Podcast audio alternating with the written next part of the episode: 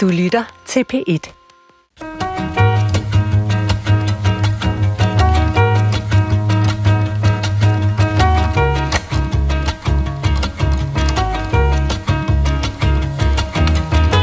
er pænt af dig, far. Men du har jo også selv sagt, at, at jeg ikke egner mig. Hvis nu Daniel har evner for det andet. For at sidde og brodere perler sammen med en skabagtig bøssekal. Matador-seere kunne knap tro deres egne ører, da Mads Skjern om sider satte navn på, hvad både hans mor og mormor og alle andre havde luret adskillige afsnit tidligere, nemlig at Matadorens søn Daniel nok var mere til mænd end til damer. For du har stillet ind på det sted på P1, hvor vi nærstuderer sprog i alle afskygninger, og det sprog, vi bruger om homoseksuelle mænd og sproget mellem dem, er det, som vi ser nærmere på i dag. Og anledningen til at lægge det særlige homoseksuelle sprog op på, øh, hvad skal vi kalde det, massagebriksen, er, er en stor og flot øh, kaffebordsbog, som homoaktivisterne og forfatteren Lars Henriksen og Chantal Al-Arab har skrevet. Velkommen til jer begge to her i studiet. Tak for det. Chantal og Lars, lad os kaste os lige ud i det med det samme. Altså, hvorfor synes I, at der var behov for en bog om bøssernes Danmarks historie øh, fra år 1900 frem til nogenlunde nu? Ja, for det første, fordi den ikke var her i forvejen. Øh, og det synes vi var en udladelse synd. Det er en virkelig god grund. ja. Den var der ikke. Den ja. skulle være der. Præcis. Øh, og ja. vi har begge to savnet den. Vi synes, det var vigtigt, at vi havde en lødig adgang til vores egen historie, øh, i stedet for at skulle ligesom søge den op på sådan øh, forskellige steder på internettet og prøvet at forsøge at stykke det sammen selv. Og, øh, og vi havde måske men, begge men... to gået og ventet, vi har begge to en øh, baggrund som historikere, og havde måske gået og ventet på, at nogen ville gøre det her. Øh, og da det ligesom ikke skete, så tog vi ansvaret på os og sagde, nu nu.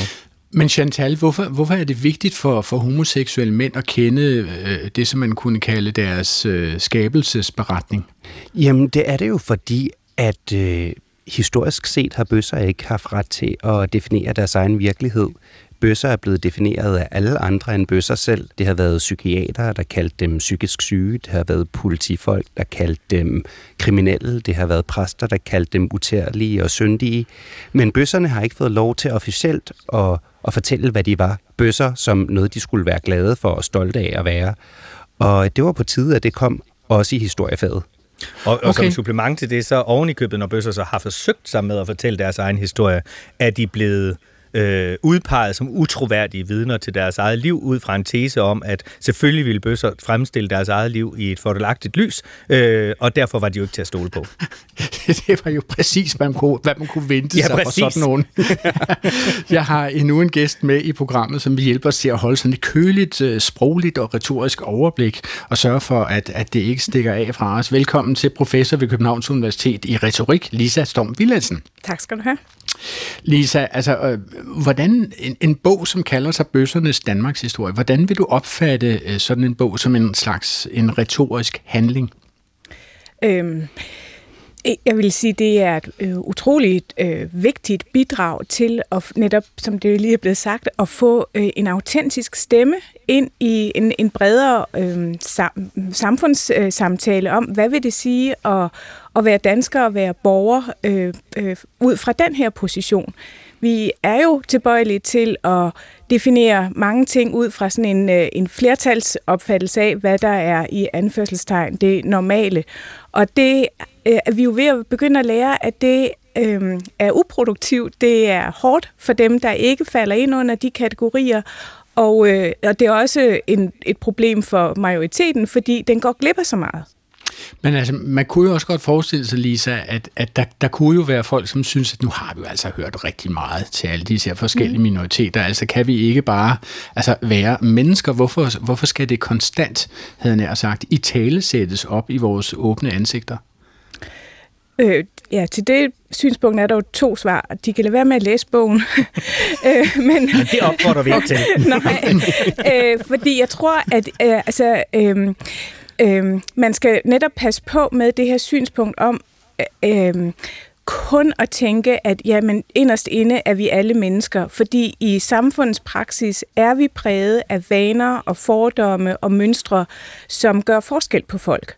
Så selvfølgelig er der en kerne, som, som vi alle sammen deler, men vi er som mennesker jo tilbøjelige til at begrænse os, blandt andet via vores sprog, så vi mister blikket for det fællesskab.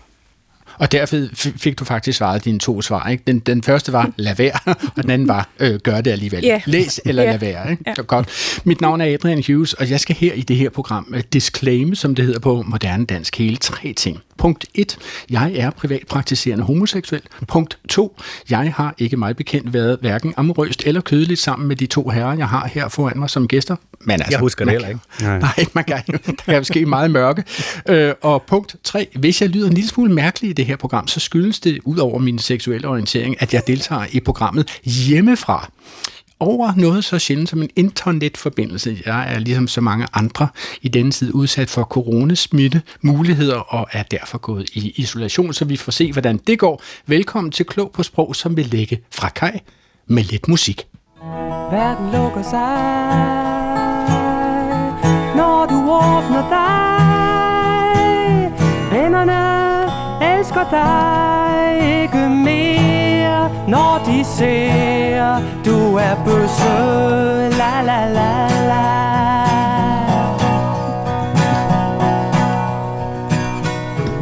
Mange venner forsvinder Når du sidder i en sofa og spinder Øjne lukkes i Du er farlig Fordi du er bøsse. Ja, her hørte vi lidt fra øh, Bent Jacobsens plade fra 1975, som simpelthen hed Bøsse, og som handlede om den homoseksuelle mands erfaring øh, med og syn på verden. Lars og Chantal, altså I kalder jo jeres bog for Bøssernes Danmarks historie, og, og som tingene udvikler sig, så synes man jo næsten, at det er en lille bit smule jeg havde sagt, altså gammeldags, udelukkende at tale om bøsser. Altså, der er jo øh, kigget, slået lige op i går, og ifølge LGBT Danmark, øh, deres ordbog, så er der cirka 30 forskellige kønsbegreber i, i den ordbog. Altså, hvorfor koncentrerer I jer om at skrive lige netop bøssernes Danmarks historie, altså en ud af 30 forskellige kønsidentiteter, og ikke hele Regnbuealliancens historie? Altså, det er der faktisk mange grunde til, og den ene af dem har du næsten svaret på, at den historie er vældig kompleks øh, og tager mange forskellige veje øh, og er ikke den samme historie, om man skriver fra et bøsseperspektiv eller et transperspektiv eller noget helt tredje. Øh, og øh, vi kunne se, at det her ville blive et uendeligt stort værk, eller mange bind i en serie, hvis vi skulle dække det hele. Øh, eller også noget, som var utrolig letbenet og overfladisk, og det var vi heller ikke interesseret i.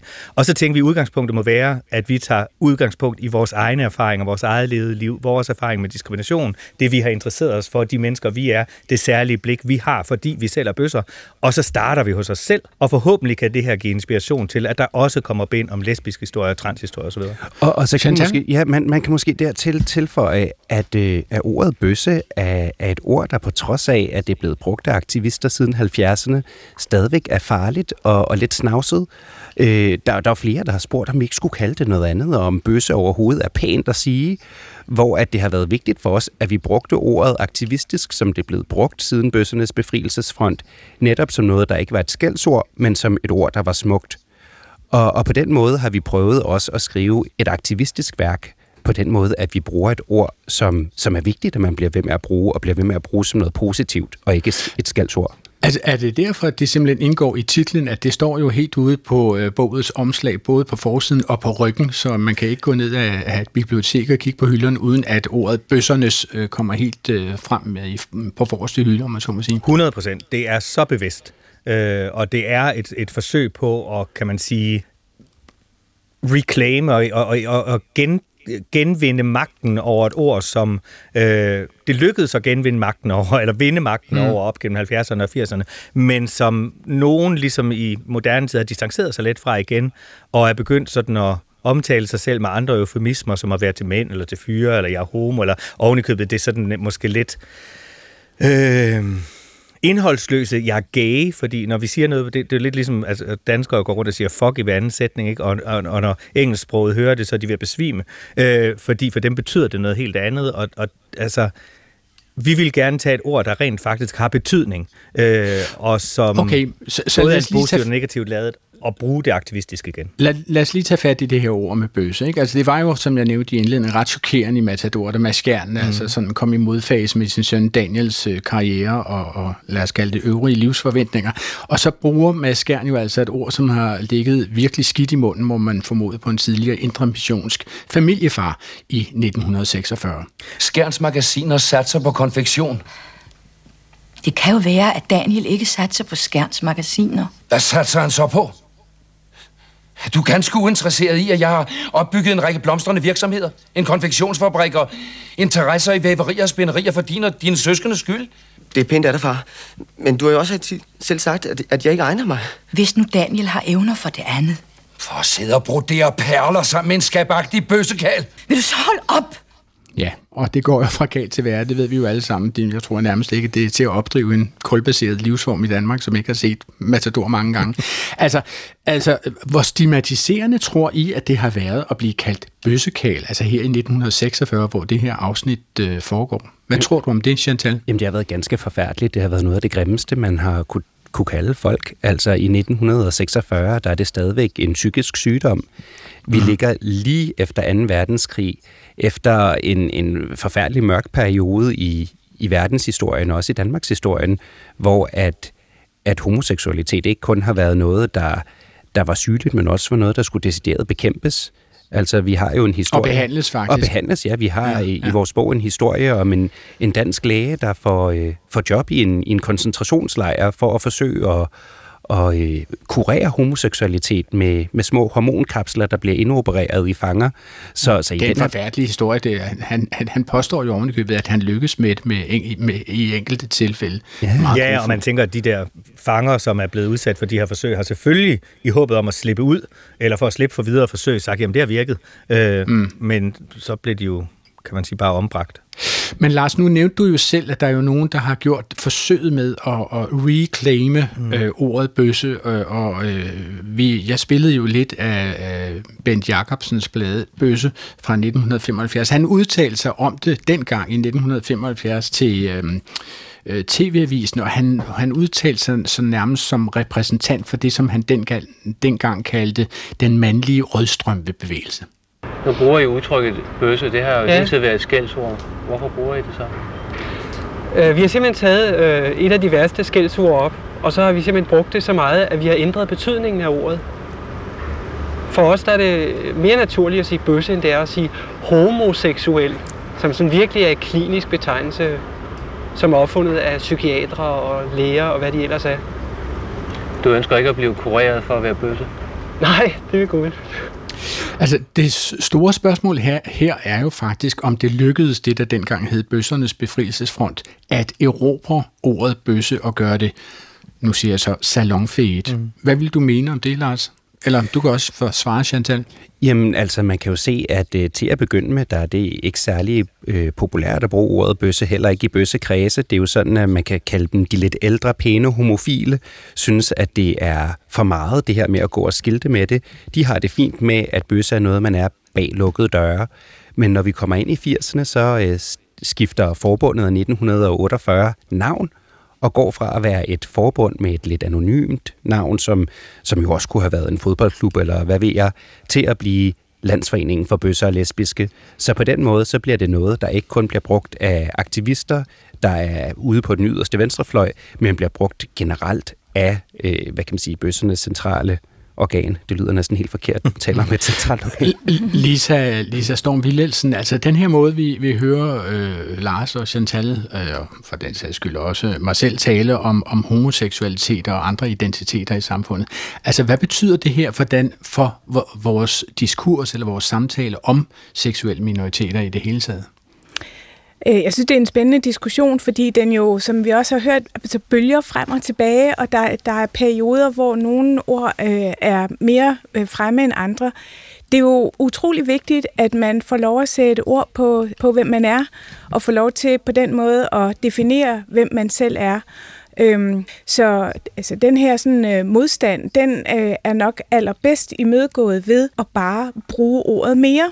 Mm. Øh, man kan Men sige, er det lykkedes her, vil du sige det, Lisa? Altså, fordi mm. nu hørte vi jo Bøsse Bent Jacobsen sige, ja. at, at vi har forsøgt at gøre det her navn øh, til noget, som alle mennesker kan bruge. Ja. Er, er, er, er, det en, er det en teknik, som sprogbrugere kan bruge? Altså simpelthen at køre hårdt på med et ord, indtil at folk til sidst har fået det i grove træk klemt ned i, øh, i halsen som gæst, der bliver stopfodret til gåslev for steg?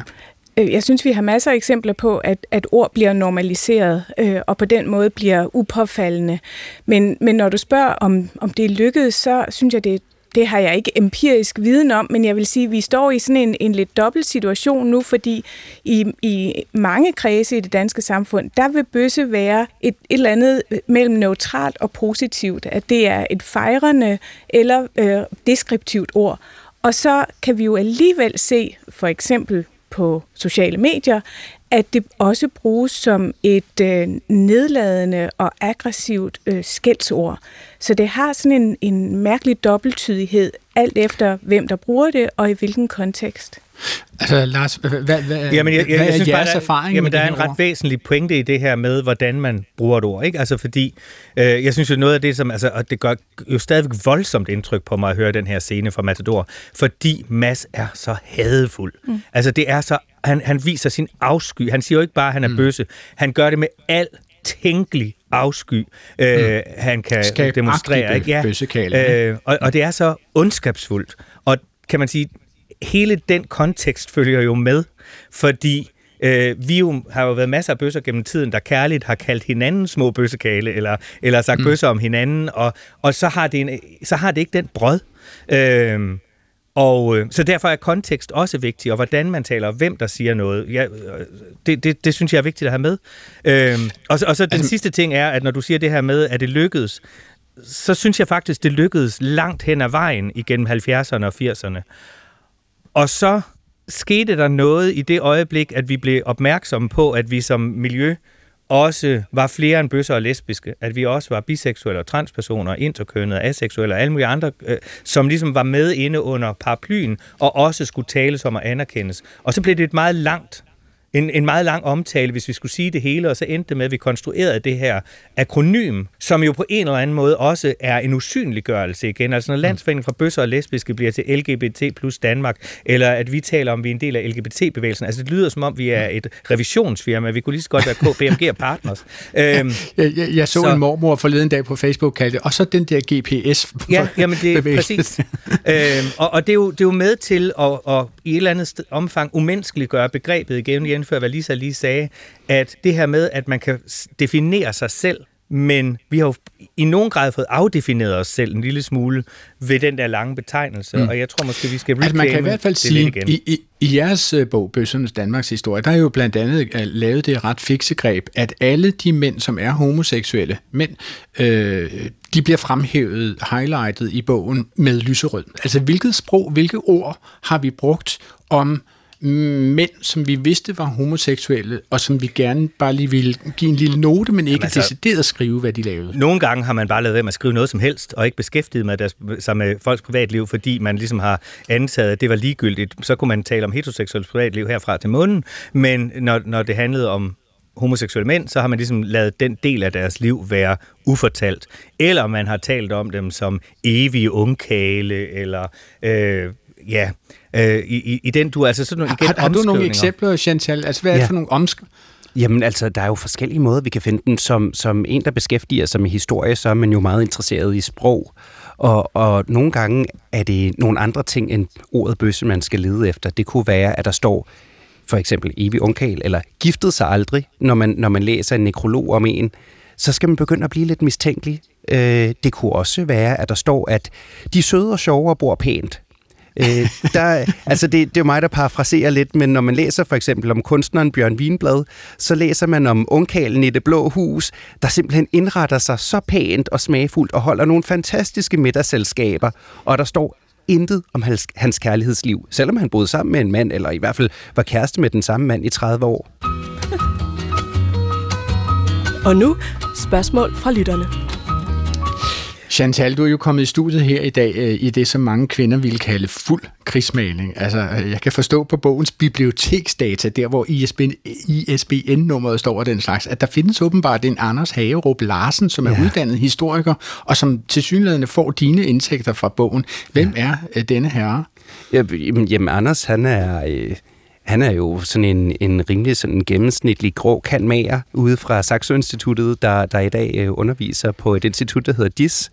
Øh, og det er egentlig det, der er, siger Manders. Og så okay. nogle gange... hvorfor, hvorfor er han her ikke i dag, hvis han får indtægterne fra bogen? Jamen, det er fordi, det bliver bare lidt mere bøsset, når det er mig, der er her.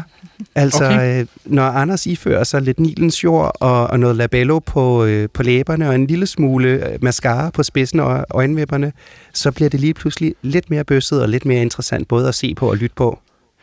Og må jeg spørge, hvor kommer Chantal El Arab fra? Altså, hvor ja. kommer den identitet fra? det, det er jo aldrig noget, man sådan planlægger, eller det var det i hvert fald ikke for mig. Øh, jamen, jeg blev født en øh, meget våd aften til en tarteletfest øh, i et bøssekollektiv på Vesterbro. Som man jo gør. ja, øh, tarteletter og masser af astisbumante. Og øh, det var noget med, at der var nogen, der havde taget nogle... Øh, nogle sådan øh, leopardstiletter med, som jeg fik på og begyndte at gå rundt i, og så lige pludselig havde jeg også en cocktailkjole på, og der kom noget, noget sminke på bordet, og jeg har altid tegnet meget, så jeg tegnede et ansigt oven på mit eget, og så er der en, der siger, gud, du kan jo lægge sminke. Og lige pludselig havde jeg også en paryk på, og så siger min gode dragsøster Athena Lady, øh, gud, du ligner jo arvingen til Burj Al Arab. Og så må jeg bare sige, øh, med oui. Og, og så spørger hun, jamen hvorfor, hvorfor taler du fransk? Og så må jeg jo fortælle den her meget hjerteknusende historie om, hvordan jeg har studeret i Paris i, i hele tre uger øh, på et, et skønhedsakademi, men var droppet ud, og, og så senere hen har måtte finde ud af, hvad jeg ville i livet, og det havde været meget traumatisk. Og, og så blev Chantal øh, ligesom født først som en alarab, og så måtte jeg jo finde et navn, der passede til. Og okay. det skulle både være et navn, der var lidt fint, og, og alligevel ikke. Og der tænkte jeg, Chantal, det kunne godt lyde som en stewardesse hos KLM. Som det er gået lidt skidt for på de sidste dage. Ja, permanenten hænger lidt, ikke? Okay. Lars Henriksen, der er jo mange, der har set dig som forperson og, og festivalchef for Copenhagen Pride mm. og også direktør for Eurogames og sådan noget. Og så kender man jo dig fra og, og din optræden med de karakteristiske meget store overskæg og butterfly og farverige ternede jakker og den slags. Har du ligesom Chantal her en, en lidt mindre i øjenfaldende identitet, hvor, som du sådan kan sende klatøjet iført joggingdragt øh, ned til bageren efter rundstykker søndag morgen? Nej, det har jeg faktisk ikke. Øh, på den måde forstå, at du den, den, den klatrede lidt sådan øh, mindre interessant identitet for ikke lov til at gå efter morgenbrød, så ja, er jeg gjort i stand, inden jeg går på gaden. Det er godt. Det er heller ikke den identitet, vi ser der i her i dag. Altså, vi har modtaget et lytterspørgsmål, som handler om navne, og hvor meget identitet eller megen identitet, der kan ligge i et navn, eller blive opfattet øh, fra et navn. Det er Connie fra Frederiksberg, som skriver følgende til os på klog på sprogsnablag, dr.dk, som man jo gør. Øh, jeg er på det seneste blevet glad for ordet shaming, fat shaming, body shaming osv., og nu er jeg blevet opmærksom på ordet name shaming, altså at udskamme folk på baggrund af deres navne. Kunsthallen Copenhagen Contemporary har åbnet en café med navnet Connie Connie, og en af mine veninder af anden herkomst en dansk har spurgt mig, om ikke vi skal mødes der. Hun er ikke opmærksom på, at navnet Connie i en dansk kontekst, ligesom navnene Yvonne, Brian og Ronny, er yndede navne at udskamme. Altså, hvad skal vi sige til det? Find, har vi simpelthen navne, som i sig selv, Lisa Storm Villadsen, er udskamningsegnede? Jeg synes, det er et super interessant spørgsmål. Øh, det her med shaming øh, foregår meget i øjeblikket, og, og, og øh, der er en masse sproglig kraft i det. Øhm, I forhold til det her med, med navne, så ja, vi er jo tilbøjelige til at forbinde bestemte navne med bestemte socioøkonomiske forhold. Øh, lytteren nævner selv øh, navnet Brian, som øh, da jeg voksede op bestemt var et markeret navn, og da vi så fik en kulturminister med det fornavn, så kunne øh, borgerskabet næsten ikke tro deres egne øjne. Øh, så jeg tror, vi alle sammen øh, kender det her med, at der er visse navne, man bare forbinder med noget bestemt.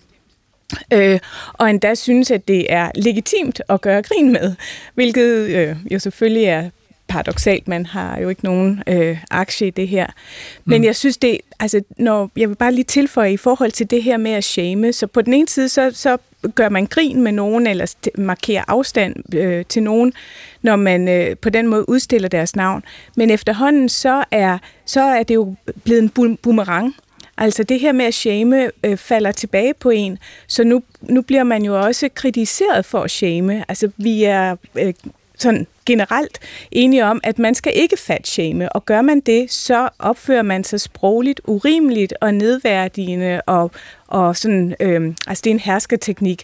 Så mm. at shame øh, er i sig selv blevet et problem. Hvad vil du sige til det, Chantal? Jamen, jeg tænker, at øh, man kan jo give det her en lille bøssevinkel ved at sige, at hvis vi bare går 10 år tilbage, så var det jo sådan, at noget af det værste bøsser kunne kalde hinanden, det var at være en Gustav. Og det var jo på grund af, af ham, der hedder Gustav Salinas, der var blevet berømt gennem et datingprogram, der hedder Dagens Mand, og bagefter var med i Divaer i junglen og alt muligt andet reality. Og han var øh, hvad, ikke engang solbrun, han var vel orange, og i alt for stramme skjorter. Altså, øh, på grund af selvbruner, Simpelthen, jeg, ja, lige præcis. Og foundation. Simpelthen, og alt for stramme skjorter og så videre. Og det blev simpelthen noget dårligt at sige, om du er sådan en Gustav. Fordi at så var man på den måde, og der tror jeg i dag, at der er kommet en meget mere nuanceret, både, både et nuanceret blik på den type mand, men også på at, at bruge det her som noget dårligt, hvor folk er bedre til ligesom at, at holde hinanden lidt i kraven og sige, det er faktisk ikke rimeligt, det du gør her. Lars og Chantal, øh, I lader jo øh, jeres udgave af Bøssernes Danmarks historie begynde i år 1900. Øh, altså, er der slet ikke mænd før da, som mærker, at deres kønslige drifter retter sig mod deres eget køn i jo. Danmark? Jo, det er der, og, og, og som vi lige sad og talte om, inden vi gik ind i studiet, måske er det her i virkeligheden bind 2, og bind 1 kommer lige om lidt, øh, kunne vi jo håbe på. Men, men, men der er grund til det. Øh, vi sad jo og kiggede på, hvad var der i forvejen, og øh, Wilhelm von Rosen, som var en skøn øh, bøsseforsker, udkom i 1993 med sin doktorafhandling, der hed Månens Kulør, og som beskrev danske homoseksuelle mænds historie fra 1660 til 1912. Så standser okay. han der, øh, og det gør han af forskellige grunde. Øh, og så tænkte vi, så, sta- så begynder vi der, hvor Wilhelm sluttede, men har lige en krog tilbage i ham. Den krog vil jeg lige øh, kaste igen, altså til nogle af de betegnelser, som man brugte op igennem det 1900, altså i 1800-tallet. Øh, jeg har læst ordet, I bruger det jo også i jeres bog, øh, kontrærseksuel. Altså hvad er en kontrærseksuel? Hvem har gået og sagt det om sig selv? Jamen det har jo blandt andet Paul André, som der lige er kommet en bog om, også her i efteråret, øh, men også andre som ham, og også læger. Øh, og det var sådan en, en opfattelse af, at man på en eller anden måde var en naturens modsætning. Altså, nogen talte om, også om, at det var mænd med en kvindes sjæl, eller kvinder med en mands sjæl. Og at man, at, at de sig en, som syge? Mm, ja, altså, Paul André gjorde i hvert fald, og konsulterede vældig mange psy- psykiatre og så videre, men læste også bredt i samtiden sådan international litteratur om forskning i det her fænomen, som var det kontrærseksuelle eller det homoseksuelle, afhængig af hvem man nu var. Øhm, og, øh, og Venter drejede det på alle mulige måder, men han kom jo, altså, og, og var en øh, aktivist på den måde, der forsøgte at fremme øh, en forståelse af homoseksuelles vilkår i samfundet, samtidig med, at han også var en slags forsker, kan man sige, i sit eget øh, liv, der ikke havde alle svarene, og som derfor også hvad kan man sige, var afhængig af den brevdialog, han hele tiden var i med alle mulige rundt omkring, for at blive klogere på sig selv i virkeligheden, fordi der var ikke adgang til andet. Okay. Hvad så med, øh, I bruger jo også, eller forklarer jo også ordet urning, Chantal. Ja. Urning, altså hvad er det for noget? Jamen, øh, hvis vi siger, at mænd er fra Mars og kvinder er fra Venus, så er bøsser måske fra Uranus, og så er man en urning. Jamen, hvorfor Uranus? Ja, det, Uranus? Ja, det, det, det, det, Hvem går og kalder sig selv en? Altså, hvem går og omtaler sig selv som en fra Uranus? Ja, det, det, det må du nok spørge om. Altså, jeg tænker, at vi nok skal tilbage til symposion og den her idé om, at, at der er sådan nogle energier i planeterne, der så også kan aflæses i, i kønsdrifterne, og der er nogen, der simpelthen ikke helt falder ind i, i det kosmiske system, der er, og derfor må placeres på en anden planet. Mm. Og på et eller andet tidspunkt, så koagulerer alle de her forskellige betegnelser i ordet homoseksuel, at det falder ligesom på plads med ordet homoseksuel. Hvem er det, som introducerer begrebet homoseksualitet? Det gør en ungarsk forsker, der hedder Kadbini i 1869, øh, og det gør han i virkeligheden, øh, han er selv homoseksuel, og han gør det i et forsøg på at hævde homoseksuelle mænds rettigheder. Han, han øh, øh, prøver at skabe et sprog for noget, der ikke er et sprog for i forvejen, i et samfund, hvor der jo faktisk, og det synes jeg er meget interessant, heller ikke er et ord for heteroseksualitet. Mm. Øh, det, det ord fødes nærmest 30 år senere, øh, og i øvrigt i begyndelsen ikke som et udtryk for det, vi i en moderne forstand for, forstår som heteroseksualitet, men som alt det, man anser for en perverteret måde at udtrykke sin heteroseksualitet på, og som ikke fører til, altså har reproduktion som øje med. Øh, mm. Det er til heteroseksualitet. Og så først senere bliver det den her binære modstilling til det homoseksuelle, altså at man har en partner af et andet køn end en selv. Mm. Øh, så, så det, er, det er et forholdsvis moderne begreb, og det er jo også et begreb, der fører til, at man lige pludselig som mand, der har sex med mænd, øh, går fra at, at, at have en praksis til at have en identitet. Mm. Når man får et sprog for sig selv, så kan man også øh, skabe en identitet. Det er, det er jo vigtigt at forstå, at hele sproget omkring øh, seksualitet er formet af, hvad skal vi sige, nogle tusind års øh, sådan kristendom, der har, der har øh, skabt nogle forskellige idéer om, hvad er det, man gør, og hvorfor er det, man gør det. Og det her med sex, det er noget, der følger øh, for det, øh, hvad hedder sådan noget, devisen, at når man, når man har øh, dyrker sex, så er det for reproduktion. Alt andet, det er syndigt. Og det kan enten være sodomi, omgængelse mod naturen, eller det kan være altså alle mulige andre øh, snavsi-snavsi ting.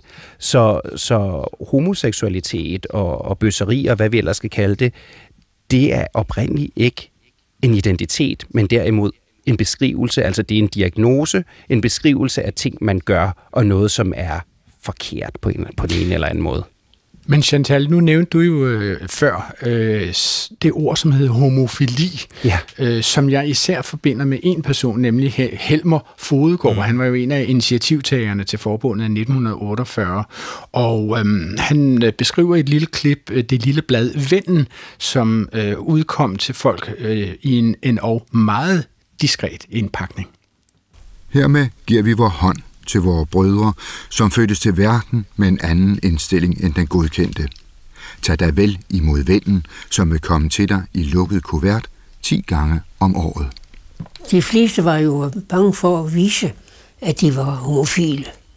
Og øh, for mange af dem, det var jo nogen i, rundt omkring i provinsbyer, øh, som øh, levede med diskret. Og øh, de tog jo ikke modtage sådan et blad uden at det var under diskret former. Så det blev altid sendt i en lukket kuvert.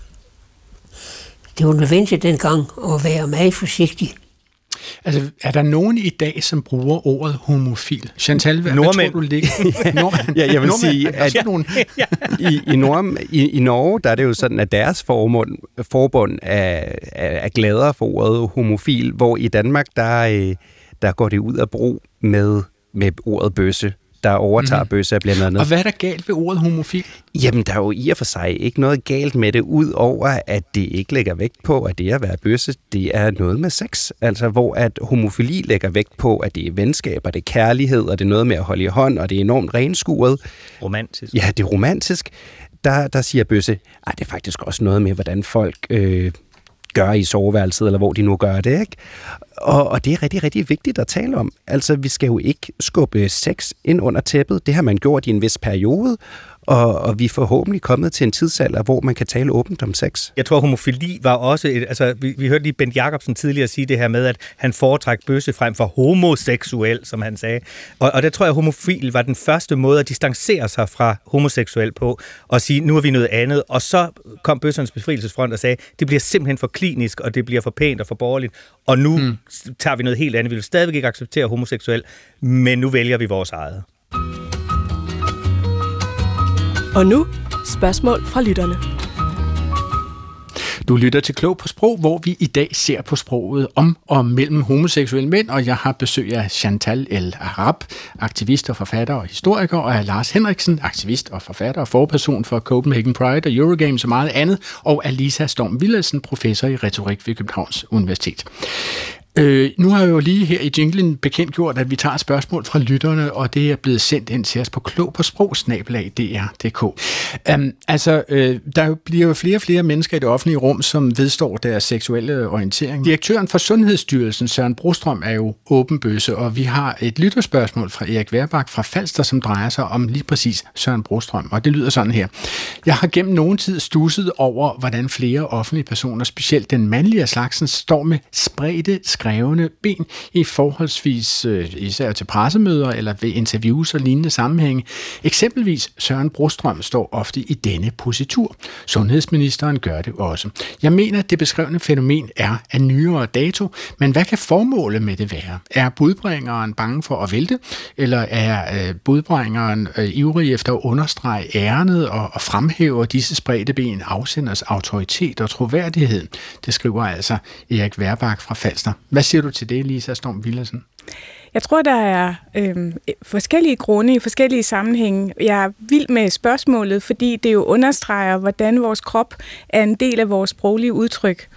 Og øh, jeg vil sige, at i de situationer, jeg tænker på, når jeg ser øh, det, han øh, Erik der beskriver, så kan det sagtens være en helt praktisk ting. Altså det har noget at gøre med øh, interviewerens højde i forhold til den interviewede. Det er rart at være i øjenhøjde, så hvis man er højere end den, der interviewer en, så kan det være en god øh, idé lige at sprede benene, så man simpelthen taler lige ind i mikrofonen. Så, så en praktisk grund. Så tror jeg også, at der er, kan være simpelthen en mere, hvad skal vi sige, ubevidst grund, som handler om øh, fodfæste, og øh, jo bedre vi er positioneret på, på jorden, jo bedre har vi jo fat i det, som som øh, stemmebrugseksperter kalder støtten, altså det mellemgulvet, og hvordan man får øh, godt fat i sin, øh, sin stemme. Så det kan være en grund. Som Men en, hvad med? Øh, vi må lige tilføje en sidste ting, fordi nu, nu spørg, øh, nævner spørgeren jo det her med, at det typisk er mænd, øh, han observerer at gøre det. Og jeg ved ikke, om der ligger sådan en, en, en, et spørgsmål, der ikke er helt øh, klart øh, udtrykt her, om om det, det skulle være en særlig mandlig ting. Altså sådan noget, øh, hvad skal vi sige, dominansadfærd. Øh, I altså, man ved jo, at mænd, at mænd, at mænd har jo et bredere ja, sid, kropssprog. Og, altså, de spreder ja, de for eksempel benene, når de sætter i, i toget og så videre. Ja, ja. ja. Jeg, jeg synes, det her er noget andet. Øhm, altså, i de der interviewsituationer, der vil jeg mene, at folk primært er optaget af at, at, at have ro på kroppen, så de kan koncentrere sig om det, de gerne vil sige. Altså Lars og Chantal, altså øh, bruger I samtidig det her med at, at lave sådan en gang manspreading af, af jeres ben, når I taler med andre mennesker? Eller taler til offentlige forsamlinger? Jeg stod sådan lige og hoppede lidt rundt på fødderne før, for, for, da, da, mens du læste spørgsmålet, og tænkte, gør jeg det? Øh, og det tror jeg faktisk ikke, jeg gør. øh, det, det, jeg kunne ikke finde du det i kroppen, ballet. nej, hvor, hvor, hvor det sådan ligesom passede til mig. Jeg tror i virkeligheden i højere grad, at jeg går den modsatte vej, hvis jeg endelig gør noget. Øh, Hvad siger at, du, Chantal? Så understreger jeg måske det bøssede. Altså, for mig der kommer det jo an på, hvilken situation jeg er i. Når jeg står på scenen, er jeg jo meget bevidst om, om mit kropssprog, i og med, at jeg optræder meget ja, som Chantal. Og der er det jo vigtigt for mig, at at jeg har et kropssprog, der passer til den persona, som jeg har, som er en 43-årig nylig fraskilt kvinde med klipsøringen. Og der er det faktisk sådan, at jeg tit vil lægge den ene ankel ind foran den anden, når jeg står, så jeg står lidt chict og lidt elegant. Men når jeg står her i studiet bag en mikrofon, så er det vigtigt for mig, at jeg står solidt i jorden, at jeg ikke falder over, og at jeg kan slappe af i hele kroppen. Og der vælger jeg faktisk at stå lidt bredt med benene, så jeg ikke behøver at stå og holde fast i bordet foran mig. Hvilket jeg gør. Jeg kunne godt tænke mig at vende opmærksomheden på det sprog, som bøsser bruger indbyrdes, altså hvis der er et sådan. Altså det var der for eksempel i London, øh, som hed Polari. Øh, det var øh, altså pænt vanskeligt at forstå, vil jeg sige. Nu spiller jeg en lille bit smule fra det, fra en film fra 1998. Det er noget, der foregår i 1975 eller starten af 70'erne, og I skal ikke være bekymrede, når I hører det. Altså det er ikke jeres engelskkundskaber, der er noget galt med. I kan muligvis prøve at fange i forbifarten, at der er en, som siger, var der the mistress boner, hvilket skulle ville betyde, se lige den smukke dame, og, og sådan er det hele vejen igennem. Jeg oversætter bagefter.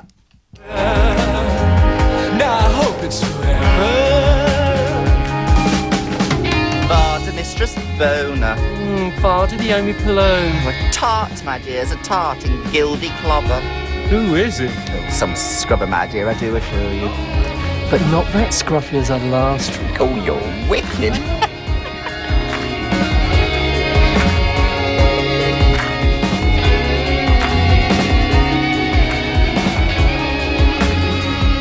be back tonight. Altså den her såkaldte Polari-dialog er, er gengivet i filmen Velvet Goldmine, og hvis jeg skal prøve på at oversætte det, eller det har jeg faktisk lovet, at jeg vil gøre, altså Varda siger de, det skulle betyde look, Bona skulle betyde good, altså godt. Omi skulle være mand, og Paloni skulle være woman. Så hvis man siger Omi Paloni, så bliver det altså en mandekvinde, altså en homoseksuel mand. Så hun vedkommende siger, se den smukke dame, se mandekvinden, hvem er det? Det er en luder forklædt øh, i gyldne klæder, eller sådan noget. Den det er essensen af det. Altså, eksisterer der stadigvæk et kodesprog mellem homoseksuelle? Vil du give et bud på det, Chantal? Jamen, det vil jeg da i hvert fald gerne. Altså, hvis vi lægger ud med at se på det her Polaris, så er det jo et rigtig interessant fænomen, fordi det opstår i et miljø af folk, der er på kanten af samfundet. Det er gøjlere, det er romager, det er indvandrere til London, og så er det kognier. Og man kan faktisk høre det på sproget, at det har rimene for kogni, det har øh, ord fra italiensk øh, omkring 18 eller, og, og 1900, der er mange italienske indvandrere i, i Soho i London. Og, og på den måde så har vi det her, øh, den her smeltedil. Og på den måde kan man sige, at det er et sprog, der fungerer på to måder. Det er både et sprog, der flærer dig, som en, der har en bestemt social identitet, samtidig er det også et sprog, der giver dig en vis øh, anonymitet, fordi du kan sige ting, som folk, der ikke er indvidet i det her, kan forstå. Lisa? Ja, og det minder mig om øh, et fænomen, som vi nogle gange øh, kender under betegnelsen dog whistle. Altså, at man siger et ord, som egentlig lyder forholdsvis neutralt, men det øh, ved publikum, at det handler om noget. Og der er faktisk lavet øh, teori, retorisk teori, som handler om den fjerde persona, som netop er det her fænomen med, at man i, hvad, hvad skal vi sige, umarkeret sprog indlægger nogle ord, nogle vendinger, som kun en ganske særlig gruppe, nemlig de andre bøsser, kender og forstår, at der er ligesom et, et shout-out, et, et signal om, at jeg er en, en del af jer, uden at øh, den brede offentlighed egentlig overhovedet lægger mærke til det. Altså det er det, der vil svare til, hvis man i indvandrerdebatten talte om migranter og fattigdomsflygtninge i forhold til flygtninge, så vil man allerede i mm. det ene lille ord have sagt, fra hvilken side af den debat man, man tilgik problemstillingen. Ikke? Præcis. Men i er, er det almindeligt, at nogle mennesker, øh, som har et, en eller anden form for værdifællesskab, Lisa, at de skaber et sprog mellem sig? At de får sådan en... Altså, det her er jo næsten en helt sociolekt, de har imellem sig. Det er helt almindeligt, og... Øh Øh, nu nævnte du selv indvandrermiljøet i Danmark. Øh, noget af det, der måske er mest studeret, det er jo øh, øh sorte i, i USA, som, som har øh, deres øh, egen grammatik, og som jo også kan tale om hinanden på måder, som, som hvide mennesker øh, bestemt ikke hverken kan eller bør gøre. Men nu greb jeg tilbage til et sprog fra, fra London i 1970'erne, og jeg går ud fra, at de ikke der i øh, Hackney, eller hvor det kunne være i London, taler det sprog længere. Altså, er der, er der i vore dage en form for sprog, som er fælles for homoseksuelle mænd. Hvad ja, mener I om det? Ja, det er der i allerhøjeste grad, og jeg vil sige, det er faktisk ikke kun bundet til, til det nationale sprog, på grund af, af de massemedier, vi forbruger, der er er, altså, har en bestemt øh, brugergruppe i, i sinde, og hvor der også er bestemte medier, der er henvendt til, til bøsser, der er det faktisk sådan, at man ser på tværs af grænser, at for eksempel et tv-program som RuPaul's Drag Race har været med til at, at indføre ord øh, blandt bøsser, ikke kun på dansk, men også på engelsk og i andre lande, blandt andet ordet fishy, som er ja. en, en, en drag queen, som er meget feminin, og som lige så godt kunne ligne en biologisk kvinde. Eller kiki. Nå. Ja, kiki er et andet ord. Sidder og sludrer. Hvad, hvad betyder kiki? Kiki betyder at sidde og sludre mellem, øh, mellem drag queens faktisk. Og kai kai er så, hvis to drag queens har sex med hinanden, ja. så kai kai er de. Men, men, men jer, øh, har, øh, i jeres redigeringsproces af den her bog, har I, har I haft et homoseksuelt sprog med hinanden? Altså, vil I tale til hinanden og med hinanden på en anden måde, hvis I var alene sammen, end I gør her i, havde nær sagt, radioen for eksempel? Jo, men man, man kan sige, at der har måske været en lidt mere løsluppen tone til den, når vi har talt sammen. Men så har vi også med mange af de informanter, vi har haft i vores bog, har vi diskuteret med dem, hvordan har du talt om dit fællesskab? Og der talte vi blandt andet med en tidligere folketingspolitiker, der havde refereret til bøssekredse som fagforeningen. Så mm-hmm. når han sagde, at han skulle til et fagforeningsmøde, så var det ikke, fordi han skulle ned hos, øh, hvad hedder det, Jern og Metal, så var det faktisk, fordi han skulle på mm. pan. Men, men der findes jo for eksempel et ord, som hedder camp, og det mm. er jeg lidt usikker på, det ord, om det mere handler om folks udseende, om deres påklædning, eller om det handler om deres sprog og væremåde. Altså, hvor Jeg kom, tror, det er begge dele, Findes der et faktisk. campsprog? Ja, ja. ja det er, gør der, og, jeg, og, og, og man kan sige, der, det, der, i Danmark har vi ikke haft noget, der minder om polare. Det, det synes jeg bare lige er vigtigt at sige. Nå, et sprog, der simpelthen er så forskelligt fra dansk, så det ikke kan forstås af udenforstående. Øh, I Danmark har det mere været en sprogtone, og det er vel også det, camp er. Altså en, en eller anden form for, kan man sige, overdrevethed i nogle udtryk, som, som ikke betyder, at man siger noget, som ingen andre forstår, men man tillægger nogle ting en særlig værdi. Øh, Og hvad kan det være for ord, for eksempel, Lars? Jamen, eller nu, nu kan, det kan jeg måske svare på. Altså, camp er jo en æstetik. Det er en barok æstetik, hvor at det manneristiske er, er idealet. Det vil sige, det at man overgør ting, er det, man sigter efter. Det er, ikke, det er ikke noget med, at man prøver at være enkel i sit sprog. Et godt eksempel kunne være, at når jeg er sammen med dem, som jeg kalder mine veninder, som alle sammen er biologiske mænd, så når vi møder hinanden, så siger vi altid, hej veninde, og sørger for at give kys, og det skal være så mange kys som muligt på hver kind, fordi mm. at man på den måde markerer sig selv som et fællesskab, og som nogen, der er særlig bøsset.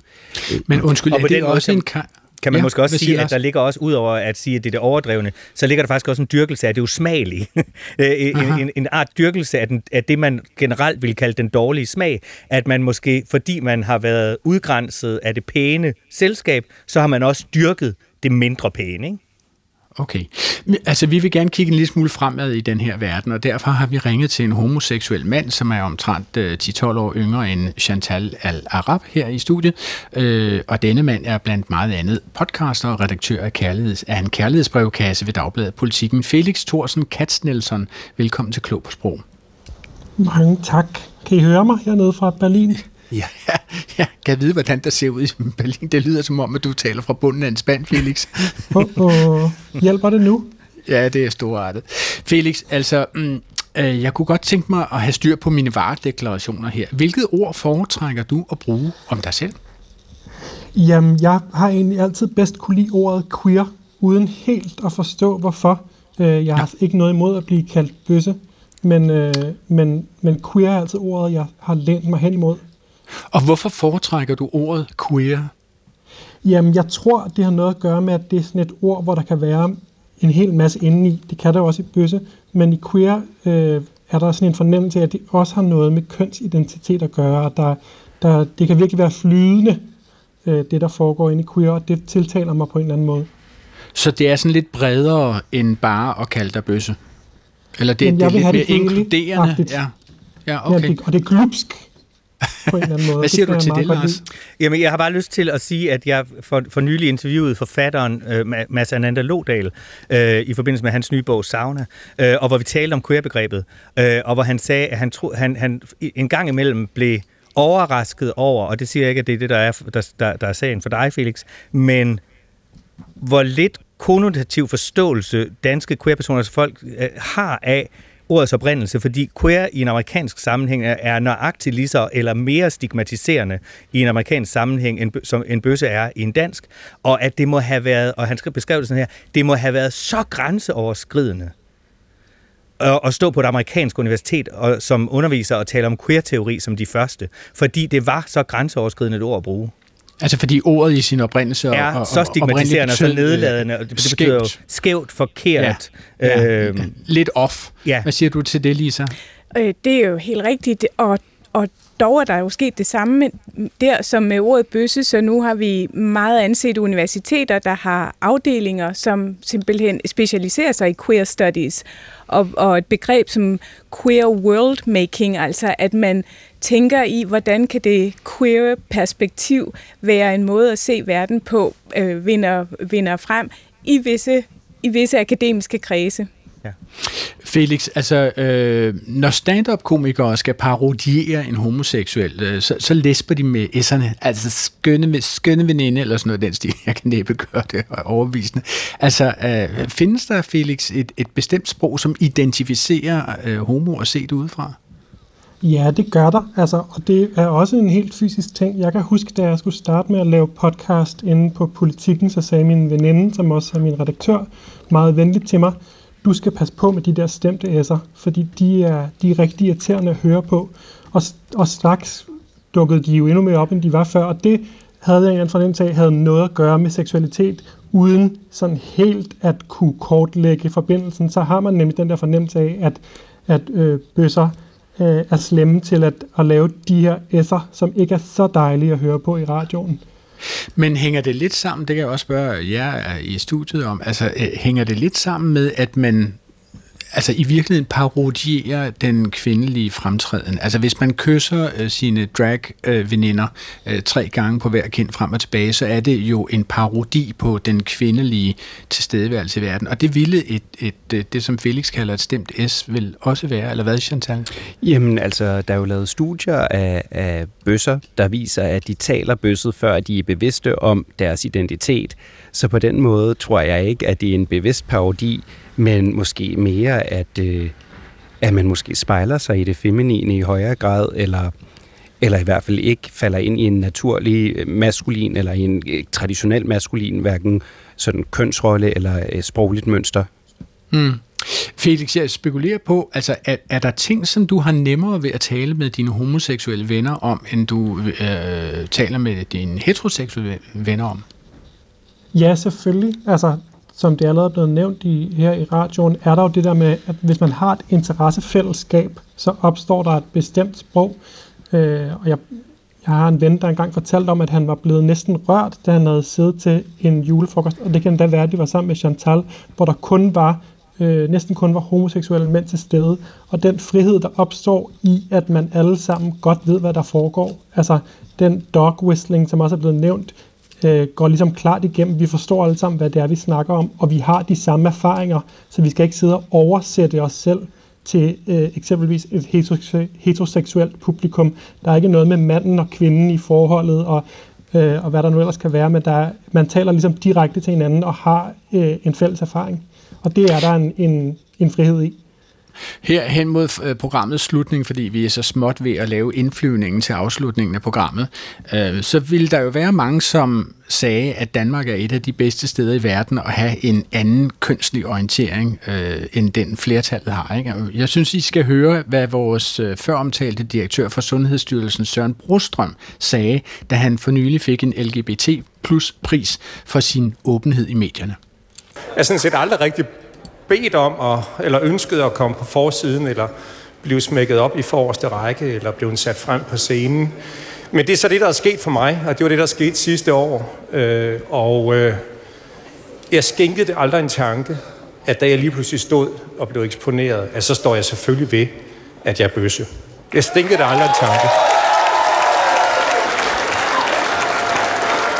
Og grunden til det, af flere grunde. Altså, den, det eneste er, at jeg, jeg kan ikke finde ud af andet. Jeg har sku, det, det med at stå og prøve at være noget andet, end det er, det har aldrig fungeret for mig. Så hvis I bare vil have et råd, så vær jeg selv. Det fungerer bedst, også når I står i bedste sendetid. Så man kan jo sige, Felix uh, Thorsen Katznelson, altså her står der jo en direktør for en stor offentlig styrelse, som siger, at han har end ikke overvejet ikke at være åben. Altså, er der mere at kæmpe for uh, i den homoseksuelle sag? Ja, det er der. Altså nu har vi jo helt apropos sprog lige det her borgerforslag, som, som kører for tiden med at indføre medfaderskab. Altså at to homoseksuelle mænd, begge to skal kunne være fædre til børn, de får sammen. Vi havde i forvejen øh, mor og medmor, men er i gang med juridisk og medicinsk at indføre det her ekstra ord medfaderskab. Så der er stadigvæk øh, landvindinger her i Danmark, og så er der jo bare det der med, der findes sgu steder i verden, hvor øh, hvor det at være homoseksuel eller queer eller på anden måde ved siden af øh, er farligt og nogle gange virkelig farligt. Så så mm. længe det er, er der jo noget at kæmpe for. At der er jo dødstraf mange steder i verden for det her. Men, men for at koncentrere os om sproget om homoseksualitet øh, i Danmark, så vil jeg sige, altså, hvordan tror jeg, at det her sprog kommer til at udvikle sig herhjemme? Altså kommer fremtidige generationer til at vokse op med en eller anden form for, hvad skal man kalde det, en slags staveplade, hvor de kan vælge mellem 30 forskellige seksualiteter, eller hvordan kommer fremtidige generationer til at italesætte deres seksualitet? Altså, det, det er jo svært at sige, men, men det virker på mig som om, at unge mennesker i nogen grad bevæger sig i retning af, i stedet for at tale om, hvad de gør, eller i stedet for, at hvem de er, øh, at man ikke kan acceptere en gang for alle og ligesom blive defineret med en identitet, men at man godt kan få lov til at definere sig selv om igennem tilværelsen, og øh, kan prøve sig selv frem og, og prøve sig af på alle mulige forskellige måder. Og på den måde tror jeg, at den generelle åbenhed for, at man er noget lige nu, men man kan blive noget andet og så videre, er, er større.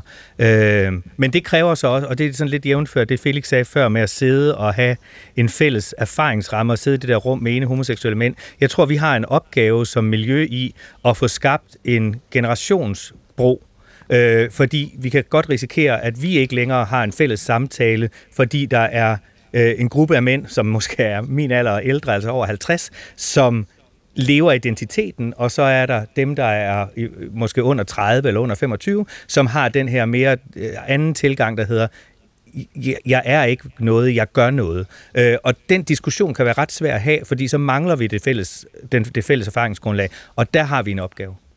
Lisa? Øh, øh med mit, øh, min berøringsflade med unge mennesker, øh, som er studerende på universitetet, øh, oplever jeg, at der er en, et, et langt større frisprog, øh, og at man er sammen på tværs af alle mulige forskellige for, forskelle, skulle jeg sige. Øh, så, så jeg tror, der sker noget i de yngre generationer, at, og at det, præcis det, du siger, Lars, med, at når ja, men altså, hun, øh, i øjeblikket ser hun en pige, og, men havde hun ikke en kæreste, der var en dreng? Jo, jo, men det, det stopper jo ikke. Øh, altså, det bliver simpelthen ikke set som, som, som, at nu har man meldt sig ind i en klub og ud af en anden. Det her det, med det flydende er en ting. Og så øhm, lægger jeg mærke til, at der øh, i de yngre generationer er en efterlysning af bedre seksualundervisning i skolen. Og i det øjeblik, det øh, forhåbentlig sker, så vil der jo også være et sprog, som bliver, om jeg så må sige, naturaliseret langt tidligere, og så man kan genkende sig selv og sine venner og forstå, hvad er det, der der er på færre. Mm. Felix, vil du lige have et sidste ord med fra dit skab i Berlin? Jamen, jeg, jeg tror, Lars øh, har ret i, at der er en, en, en ung generation, som er så flydende, at det er som om det eneste faste, der er tilbage, er deres stjernetegn. Det er det, der ligesom er den, er den klare identitetsmarkør for, for en del unge mennesker, mens resten ligesom bare er sådan en dejlig stor pærevælling, og det er selvfølgelig grovkornet, men, men det kan se sådan ud nogle gange i hvert fald. Det sejler simpelthen derudad. Det er storartet. Det blev sidste ord i denne dags udgave af Klog på Sprog, øh, hvor vi har kigget på sproget om homoseksuelle og mellem homoseksuelle mænd. Øh, og jeg har haft selskab af Chantal Al-Arab, aktivist og forfatter af, og historiker, og af Lars Henriksen, aktivist, forfatter og forperson for Copenhagen Pride og Eurogames og meget andet, og af Lisa Storm Villersen, professor i retorik ved Københavns Universitet, og med på en linje fra Berlin havde vi Felix Thorsen Katznelson, som er redaktør af en kærlighedsbrevkasse ved Dagbladet Politikken. Udsendelsen her er tilrettelagt af Clara Witt og Svala Sigfusa som også stod for teknikken og præsenteret af mig, Jeppe fra Adrian Hughes. Og I kan nå os øh, med kommentarer, debat og spørgsmål per mail til klog på sprogsnabelag.dr.dk. Det her program ligger som alle andre P1-programmer klar som podcast hvor som helst og når som helst I føler for det på genhør næste fredag op til middagsradio middagsradioavisen.